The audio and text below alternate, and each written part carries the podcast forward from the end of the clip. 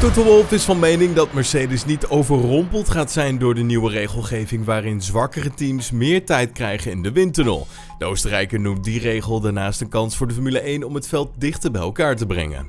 Naast de nieuwe technische reglementen rondom de auto zelf houdt deze regel in dat de zwakkere teams op de grid aanzienlijk meer tijd in de windtunnel krijgen om hun auto op aerodynamisch vlak uit te testen dan de sterkere teams. Wolf heeft het over die regelgeving en kijkt positief naar de kansen voor de mindere teams die het gat kunnen verkleinen.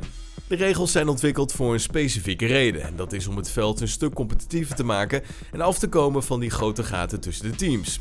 Het is een goede aanpassing, al denk ik dat het voor de eerste drie teams niet zozeer een groot nadeel gaat zijn. Vooral de teams die rond de plekken 7 tot en met 10 staan zullen er voordeel aan beleven. Ze krijgen wel tot zo'n 20% meer ontwikkelingstijd en dat is hoe het zou moeten zijn.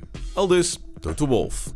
En er is wat meer duidelijkheid over wie er deze week namens HZF1 zal gaan rijden tijdens de testdagen in Bahrein. Nu er afgelopen week definitief afscheid is genomen van Mazepin, is voor deze week Pietro Fittipaldi zijn vervanger. Dit zegt Gene Haas tegenover de Associated Press.